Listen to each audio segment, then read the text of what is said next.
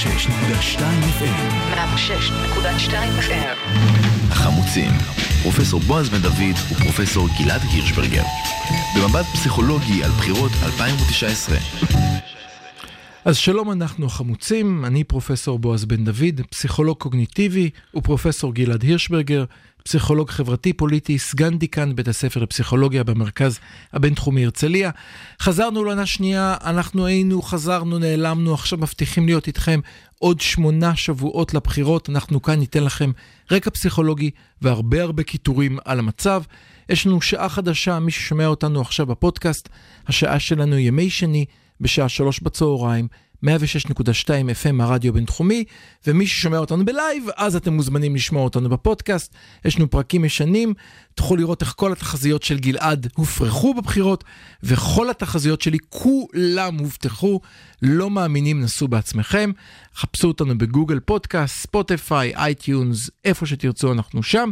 הגענו לפרק השני להיום, ועכשיו אנחנו מדברים על אהוד ברק. שוב יודע, אכן יודעים שבמשך עונה שלמה ישב כאן גלעד ואמר, ברק בוא, איפה אתה היה רעם, היכן הברק? אז הנה ברק בא, מופיע, אה, ניתן לאתר אותו כל יום בסרטון חדש, מצליף בביבי, מצחיק, משעשע, ופוף, אחוז חסימה. מה קורה פה, נכון, גלעד? נכון, אתה צודק, אני מוכרח להודות שבמשך עונה שלמה חשבתי שישראל מחכה לברק. ישראל מחכה לברק, כן. הייתי בטוח שהוא יגיע עם הכריזמה שלו, עם האנרגיות שלו, עם הפעלתנות הבלתי נדלית שלו. יאומן. אין, אין היום אופוזיציה בישראל כמו ברק. כל יום, סרטונים, כל יום. והרצאות. כל יום, בכל מקום. וכולו מלא מסתובב, מגיב, מצחיק, כן. צוחק על עצמו.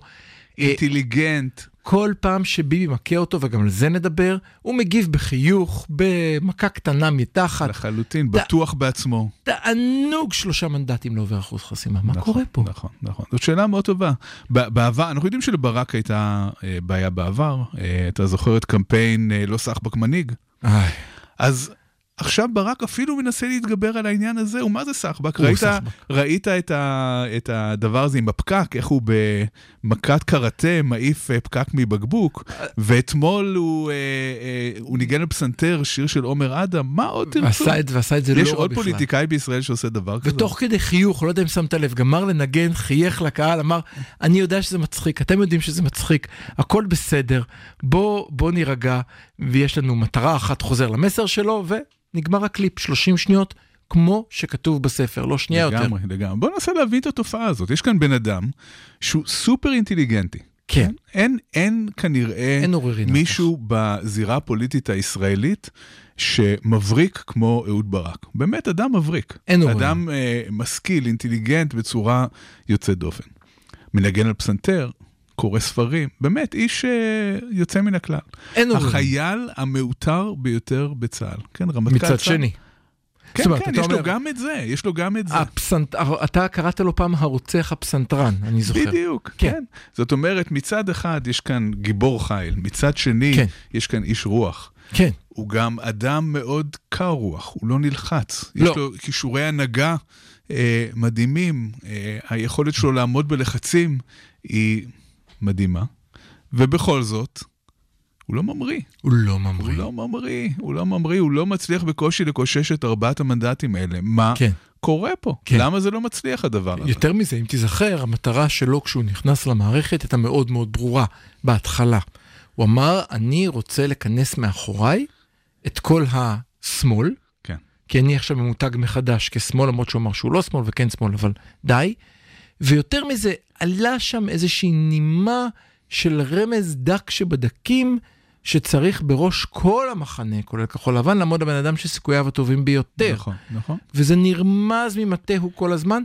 אה, אני רק אעצור כאן שנייה אחת, זה קצת דומה, מי שעוקב עכשיו אה, בפריימריז של הדמוקרטים בארצות הברית, אלה שרוצים להיות מועמדים לנשיאות, זה בדיוק הרגע שבו כל אלה שיש להם אחוז אחד ומטה, מחפשים את, ה, את ההזדמנות המשוגעת הזאת שתהפוך אותם לאובמה הבא, שמתחיל מכלום ופתאום קופץ. זאת אומרת, זה היה הניסיון נכון, שלו, אז- וכלום. כן, אז, אז באמת uh, הגיע המשיח כביכול. כן. מישהו שרואה בעצמו משיח. כן. מישהו שעוד איזה 20 אנשים גם חושבים שהוא המשיח, אבל לא מצליח לה, להוביל את הציבור. יותר... לא מצליח לגרום לזה שהציבור אה, הולך אחריו. יותר מזה, אנחנו דיברנו המון על חשיבות של התלהבות. כן. שים לב, ברק עם ארבעת המנדטים ביום טוב גשום, עושה כנס בכולי עלמא, שהוא באמת אולם קטנצ'יק, תור מטורף בחוץ. נכון. אם מחר גנץ, על 35 מנדטים, היה עושה כנס בכולי עלמא, מזל אם מישהו היה צריך לזכור להדליק את המזגן, כי יש שם מספיק אנשים. עכשיו, מה שאתה וזה... מעלה זו נקודה מאוד חשובה, כי מייקל מור, כן. הטענה המפורסמת שלו, נכון. היא שרמת האנרגיה שמנהיג מייצר היא אינדיקציה הרבה יותר חשובה מסקרים. בדוק. כן, מה שהוא בעצם אמר על uh, טראמפ, זה שאומנם הסקרים לא כך החמיאו לו לפני הבחירות של 2016, אבל כשמסתובבים בטראמפלנד, כשמסתובבים באזורים שבהם אנשים מצביעים לטראמפ, mm-hmm. מרגישים... את החשמל באוויר, כן. מרגישים את, את האנרגיה. סביב ברק גם יש אנרגיה כזאת. אנרגיה משוגעת, באמת. האנרגיה הזאת לא מתורגמת לכלום.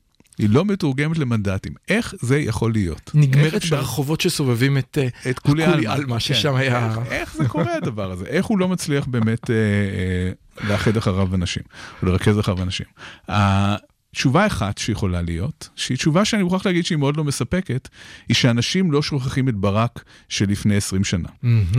הם לא שוכחים את הממשלה הדי צולעת, מקרטעת, מסובכת, שהייתה לו עם המון מריבות פנימיות בתוך החצר אני לא הפנימית. שזה זה. אני ברשותך, אם נכון, זוכרים... נכון, אני גם, אני, לא. אני רק מעלה את זה בתור נקודה. לא, לא, אני מסכים איתך שהיסטוריה זה דבר סביר, כן. אבל אני חושב שאף אחד לא זוכר לרעה את היותו ראש ממשלה. לא רק שאף אחד לא זוכר לרעה יש כאן דור חדש שלא זוכר אותו בכלל. לא, אבל מי שזוכר, זוכר על... לו את המשחקים. כשמדברים עם הסטודנטים שלנו, בני כן. ה-20, כן. הם לא זוכרים בכלל אה, שהיה ראש ממשלה ברק. אבל הם לא, לא יודעים שהייתה סבנה. נכון, אומרת, נכון, הם לא יודעים, ש... נכון, אז, אז קשה מאוד לתלות את זה במשהו שקשור בעבר שלו. אז אני, אני לא בטוח, אני לא בטוח, אני חושב, ש, אני חושב שיש כאן רתיעה, הרי תראה, הוא אמר, אני פונה לשמאל. נכון? הוא אמר את זה מההתחלה. נכון. הוא אמר, אני לא הולך למרכז, אני לא, אני לא פרץ ולא גנץ, אני ברק, אני הולך למרכז, אני הולך לשמאל. אני מגדיר את עצמי שמאל ציוני עד הקצה. ברגע שהוא אמר שהוא שמאל ציוני עד הקצה, מצביעי השמאל הציוני כן זוכרים לו את מפלגת עצמאות. כן. אוקיי, אז קודם כל אתה מעלה אה, נקודה שהיא מעניינת. יכול להיות שעצם זה שהוא אומר שמאל, כבר גורם לרתיעה, שאנחנו כמובן יודעים שקיימת כן. בצורה אוטומטית בציבור הישראלי. נכון. אה, בועז ואנוכי חתומים על מאמר שמראה בדיוק את העניין הזה. אז יכול להיות שבאמת יש איזושהי רתיעה רפלקסיבית מהעניין של שמאל, שהיא כל כך חזקה, שלמרות שהוא מביא אנשים טובים, כמו יאיר גולן, כמו יפעת ביטון, זה עדיין לא עוזר. אה, למשוך מצביעים. עדיין יש את הרתיעה הזאת מהמושג שמאל. התיוג בעצם, אני אנסח... זה הסבר שלא מספק אותי, אני מוכרח להגיד. לא, לא, אני לא מספק אותך, אני רק רוצה להגיד משהו. לדעתי, מה שברק לאט לאט הופך להיות, וזה לא מה שהוא התכוון בהתחלה, זה אותו תהליך שדיברנו עליו המון פעמים בתוכנית. איך פתאום נהיה לנו הכי לגיטימי בעולם שסמוטריץ' יהיה שר? פעם סמוטריץ' היה מוקצה. איך עוצמה יהודית, מדברים עליה כולם כבר כי זה לא בלתי סביר שהוא יהיה שר, פעם זה היה בלתי נתפס שכהנא עלה ודיבר. איך פיחות זוחל? לאט לאט לאט אנשים מתרגלים. למעשה, האפטר שוק של ברק יכול להיות שבעוד ארבע שנים הוא ימתג את השמאל מחדש כמשהו אחר. אבל הציבור ייקח ארבע או שמונה שנים לעכל. הוא בן 77, עוד ארבע שנים הוא יהיה בן 81. מה לעשות? זה, זה now or never, זה לא... אה, אבל זה מה שיש, זה מה שהוא הופך להיות. הוא הופך להיות אה, אה, איזשהו גוף מלא אנרגיה בתוך השמאל הציוני, שהוא מותג שלא מעורר אפיל אצל הרבה מאוד אנשים. כן, אז כאן אני חושב שיש משהו בברק עצמו. שמעורר רתיעה אצל הרבה אנשים, רתיעה שאני מוכרח להגיד שקשה לי להתחבר אליה ולהבין אותה. אני uh, הייתי לפני, כן, יש לי בעיה, אני הייתי לפני כמה חודשים בהרצאה של ברק בפני איזשהו פורום. הוא היה באמת מדהים, כן? הוא, הוא, הוא נתן הרצאה סוחפת, מרגשת, אה, מעניינת בצורה יוצאת דופן. היכולת הניתוח שלו, של המצב, תמיד הייתה מופלאה, וזה מדהים אה, לשמוע אותו. אבל זה כנראה לא עובד על רוב הציבור. רוב הציבור לא מתחבר לדבר הזה, ואולי אפילו יש משהו קצת מתנשא בברק. שגורם קצת? להרבה אנשים קצת? להירתע ממנו. מילה אחת לתקן לא נכונה, קצת. אז אוקיי, אולי זה זה, אולי הוא- באמת ההתנשאות שהוא לא מצליח אה, אה, להשתחרר ממנה. אבל גם ביבי מתנשא. ביבי מאוד מתנשא. ברור שביבי מתנשא, ואצל ביבי זה נחשב, הוא... אני רוצה רגע לעצור שנייה, רגע, שנייה. אני אעצור וכך רוורס. אני רוצה רגע לקחת למקום אחר, ואז אתה תתחבר לביבי. המקום האחר שאני רוצה להתחבר אליו הוא אה, הגישה שלי אל ברק כאל גילטי פלז'ר של שמאלנים. כאל אה, אה, עונג מושחת, נקרא לזה. זאת אומרת, יש כאן דבר נורא נורא כיף להיות ימני. אם אתה ימני, ואתה רוצה לראות מישהו מרביץ לזה שמעצבן אותך, אתה צריך לחכות לשעה מסוימת ביום, הוא קם בדרך כלל באחת ג'וניור, נכון? צריך לחזור מהמועדונים. אז כשהוא מתעורר באחת, פותח את המקלדת ומטנף על השמאל בצורה...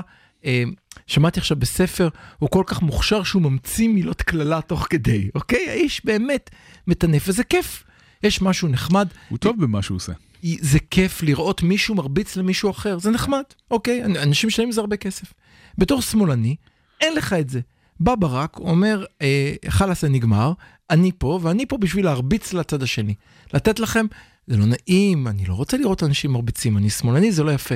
אבל לביבי בזה מותר, אז במקום כל ההתחכמויות והבדיחות שלוקח חמש דקות להבין אותם בדרך כלל של שמאלנים על ביבי, מאלה שאתה צריך לקרוא את הספר פעמיים, ברק חובט בו מיד. על ג'וניור הזנאי, חובט, מגיב, מהר, צוחק, תירגע, אני פה, אז יש איזו הנאה. אבל יכול להיות שזה נתפס כאתנחתה קומית שבה השמאלני צופה בו ונהנה, והולך להצביע לכחול לבן, כי המשחק הוא כחול לבן או ביבי. יכול להיות, יכול להיות, ויש כאן uh, עוד נקודה שהיא קשורה למה שאתה אומר. אני חושב שאחת הבעיות בשמאל זה איזושהי טהרנות שתמיד בסופו של דבר פוגעת במחנה הזה. כן. הימין מסוגל לסבול כמעט הכל. הכל. אם ימצאו על ביבי שהוא קיבל שוחד מ-X או מ-Y, או עשה ככה או אחרת, הכל, סיגרים, שמפניות, אפילו, אתה כל יודע מה, הפרשות, צוללות, אני הכי הכל, אני הכל עובר. איתך. נניח שיגלו שהעוזר של ביבי שמנהל לו עכשיו את כל המשא ומתן הפוליטי, צילם בחורה מתחת לחצאית. בוא ניקח נכון, משהו נניח, דמיוני. נכון. דמיוני שלא יכול לקרות. דמיוני לגמרי. הימין הדתי שמציע טיפולי המרה להומואים, יזרום עם זה. לחלוטין. אלה שאומרים שנשים שערם ערווה ואסור לעמוד לשיר. העובדה שבן אדם צלם, צלם התחתונים הזה לא מפריע להם. מתחת, נכון. לגיטימי לחלוטין, הכל נכון, בסדר. נכון. זה, זה בדיוק העניין, שהימין יכול לסבול הכל, כי מה שמעניין אותו זה להישאר בשלטון ולא שום דבר אחר. השמאל, ברגע שמתחילים להראות תמונות של ברק עם צעיף ליד הבית של אה, ג'פרי אפסטיין, גמרנו. גמרנו, גמרנו. אז גמרנו. המון המון שמאלנים, ביניהם אה, כמה מחבריי הקרובים, אומרים אנחנו לא נתקרב לברק הזה, אנחנו לא נתקרב למישהו שיש בו איזשהו רבב. זה נורא יפה מצד אחד, זה נורא מוסרי. האנשים האלה הם באמת אנשים מאוד ערכיים ואני אני לא יכול שלא להעריך את זה. אבל עם זה, ככה לא לא מנצחים. בחירות. ככה לא מנצחים לא בחירות. מנצחים בחירות ככה, כן? הדרך היחידה לנצח בחירות מול אדם כמו ביבי, הוא עם מישהו שהוא קצת תואם ביבי, וברק הוא קצת תואם ביבי. כן, תצא אנחנו מזה. יודעים, אנחנו יודעים שטוהר מידות זה לא הצד החזק שלו. לא, אבל אני רוצה שתשטוף את ה... אה, אם הייתי צריך אני קודם לשטוף את תקוותיי שתהיה ממשלת שמאל מרכז, יום אחד תשטוף את תקוותיך שברק אה, לא, יהיה לא- מועמד הגוש לראשות הממשלה. זה בוודאי כבר שלא. נגמר. אוקיי, אני, אני צופה אה, משהו אחר, אם, אם צריך... אה, לך על זה. אתה צודק שכל התחזיות שלי התבדו, אבל הנה תחזית שאולי אולי לא תתבדה. אני, אה, אני חושב שאם ברק לא ימריא בתקופה הקרובה, וכרגע זה נראה מאוד שבועיים, מקרטע. יש לנו שבועיים. כן, כן, כן. אנחנו, כרגע זה נראה מאוד מקרטע ולא מבטיח. כן. יש שני סצנריוס, ש, אוקיי. שאחד מהם הוא כמעט בלתי אפשרי והשני נראה לי יותר אפשרי. מהמם. הסצנריו הראשון זה שבשמאל יבינו אין ברירה, צריך להתאחד. צריך uh, לאחד את מרץ עם ברק בצורה כלשהי. הבעיה עם איחוד כזה, זה שמרץ היום היא מפלגה שנשענת בצורה משמעותית ביותר על הקול הערבי. נכון, כן? יותר ממנדט, זה מנדט פסיק שתיים או משהו נכון, כזה. נכון. אה, אה, בעצם של קולות ערבים, הצליחו להעביר את מרץ מעבר לאחוז החסימה. חיבור עם ברק מבחינתם, זה ממש, אה, אנחנו נראה אה, נטישה המונית של הספינה הזאת, אם דבר כזה יקרה כנראה. והסכנה היא לא שהאנשים האלה ילכו ויצביעו חדש במקום, אלא שהאנשים האלה יישארו בבית. נכון, בדיוק. זאת אומרת שאנחנו יכולים להגיע למצב שבו אה, עשרות אם לא מאות אלפי קולות ילכו לאיבוד בגלל חיבור כזה שלא יצלח. אז יש, אז, אז לא, קשה לראות איך חיבור כזה קורה, ולא בטוח שאם יהיה חיבור כזה, הוא באמת אה, יבוא לידי ביטוי מבחינה, אה, מבחינת מנדט. אז אני אגיד שאני חושב שבשביל שחיבור כזה יוכל לקרות, קורים כמה דברים היום במערכת הפוליטית, שבשבועיים הקרובים יצטרכו להיסגר. אחד הדברים שקורים הוא שבתוך מפלגת העבודה יש אנשים שאומרים עד כאן. פעם אחת עשיתם עלינו סיבוב, הלכנו לישון וקמנו בבוקר כמעט עם ממשלה שמפלגת העבודה יחד עם ביבי וחסינות והכול. לא תעשו עלינו שוב את הסיבוב הזה. אני, אני לרגע, לרגע משחק את המשחק כאילו אני מאמין שחברי הכנסת האלה אומרים את דעתם, ולא תוכנית אחרת כאן, גלעד נקרא מצחוק מולי, אבל בואו נשחק את המשחק. שוב, שוב פנטזיות שכולם יעברו למרץ? לא, ואז שני ח"כים יכולים לעזוב, לאן? לעזוב לעצמם, להיות סיעת אמת, ואז להיות עם ברק ומרץ, ואז יכול להיות חיבור. זה הדיבור עכשיו. מדוע? כי אז זה לא ברק ומרץ, כן, אז עם עוד. שני נוטשים. כן, שזה בערך כולם אותו גודל, 4, אני 2, לא, 4. אני לא בטוח שזה יעשה איזשהו הבדל מבחינת אה, אה, מנדטים, אבל בסדר, זו, זה- זאת אפשרות. אני, אני מסכים שהאפשרות הזאת קיימת. זאת אפשרות שתאפשר את החיבור ללא גורם מתווך ביניים בין ברק, ל, בין ברק ל- למרץ, לא יכול להיות כזה איחוד. חייב איזה מישהו באמצע. אז תן לי, תן לי להציע לך עוד תרחיש, לך על זה. שכמו שאמרת, אה, ייתכן מאוד שהוא לא יקרה בגלל שאני אה, לא מצטיין בניבוי העתיד. אבל אני אבל, אבל. אני, יש לי איזושהי תחושה שהפעם אולי אה, יש סיכוי שאני אקלע יותר טוב. התרחיש שלי הוא תרחיש אובי וואן קנובי. זוכר מה אובי וואן קנובי עשה? לא, תפתיע אותי. בסרט הראשון של Star Wars, מה הוא עושה? תפתיע אותי, נו. מה הוא עושה? אני לא, אני לא אמרת לי הוא שיהיה מקריב מבחן. את עצמו, הוא מקריב את עצמו כדי להעביר את הכוחות שלו ללוק.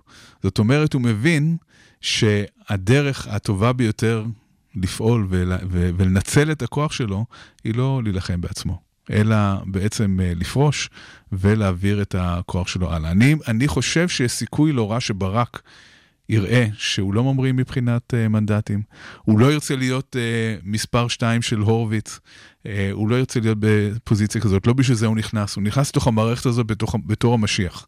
ואם הוא לא מצליח להיות המשיח, הוא יפרוש החוצה, הוא ימשיך uh, uh, לתקבק ולהעלות סרטונים ל, uh, לפייסבוק, אבל uh, לא ירוץ כמפלגה. אני חושב שאתה אופטימי בצורה קיצונית. אה, כבר אני לא יודע, אני לא יודע. תראה, יש היום מעניין, יש היום קולות, אם אתה עוקב בטוויטר, אז uh, יש היום יותר ויותר קולות שאומרים לו, יאללה ברק, הבנו, עזוב. יותר ויותר אנשים שקוראים לו לעשות את זה, ולהיות מעין uh, האיש החכם שיושב מאחורנית, הזקן החכם שיושב מאחורנית, נכון. ומעודד את כולם לזוז. יש היום קולות כאלה, אבל אני, אני לא יודע, אבל אנחנו נגלה ממש בקרוב. אם אני חושב על ברק עצמו, כן. אני חושב שברק לא יכול שלא להיות מאוכזב מהמציאות, מכך שהוא לא, אה, שהציבור לא רואה בו את מה שהוא רואה בעצמו. אה, ו, אה, ו, ומכיוון שהוא לא יכול להיות איזה מספר 2 או 3 של איזה מפלגה קיקיונית, הוא גם מבין, הוא, הוא לא בא בשביל ג'וב, הוא בא בשביל לשנות סדרי עולם, ואם הוא לא יכול לשנות סדרי עולם, הוא יפרוש החוצה. אנחנו נגלה בקרוב, אני לא בטוח שהוא יגיע לשם. אז בואו נסכם את הפרק שלנו. אנחנו דיברנו על ברק, ברק בא עם סרטון הבקבוק, עם פסנתר, ביד וסכין מאחורי הגב, נותן לכל השמאלנים ליהנות לראות אותו מכה מפה ושם. לא הספקנו בכלל לדבר על כך שכרגיל הימין הפך אותו לעבריין מין, כי זה האוטומט כנראה של כל תגובה. וזה משפיע על שמאלנים. זה משפיע, וזה משפיע. משפיע מצוין רק על שמאלנים, כמו על שאמרנו. השמאלנים הטהרנים, כן. משפיע על שמאלנים כל הזמן, ראינו, אם אתם זוכרים, אה, גנץ היה עבריין מין, ועכשיו ברק עבריין מין, וכל, אבל, אבל פרץ לא עבריין מין, מה שאומר, מה שאמרתי לך שאני חושב שפרץ לא מפריע לו, עדיין לא. עדיין לא. אה, ראינו שברק מנסה מאוד, כרגע לא מצליח להתרומם למרות ההתלהבות המאוד גדולה שהוא מעורר. זאת אומרת, זה נדמה שמצביעיו של ברק כולם מוכנים היום לעמוד ברחוב עם שלט, אבל הם לא יכולים להביא איתם את הארבעה השכנים שהם צריכים, בשביל שברק יוכל להיות מפלגה משמעותית וגדולה. או שמא נגלה בשבוע הבא שיהיו תהפוכות, וכך נדע עד סגירת הרשימות. באמת, באמת, באמת הכל פתוח, ראינו את זה כבר בעבר. אתה רוצה מילת סיום על ברק? רוצה לקרוא לו מכאן? אני חושב שהנושא שלא דיברנו עליו, שיכול להיות מאוד מעניין, זה להבין מה בעצם אנשים מחפשים במנהיג. כן, הפן הפסיכולוגי הזה, של מה, מה, מה מושך אותנו במנהיגים, ואולי בפרק הבא נוכל אה, לדבר קצת. בשבוע הבא נדבר על מה מחפשים מנהיגים. אנחנו החמוצים, נחזור לכם מיד אחרי השיר, ומי שבפודקאסט, חפשו, יש עוד אחד מיד אחר כך, שם למטה ברשימה, חפשו.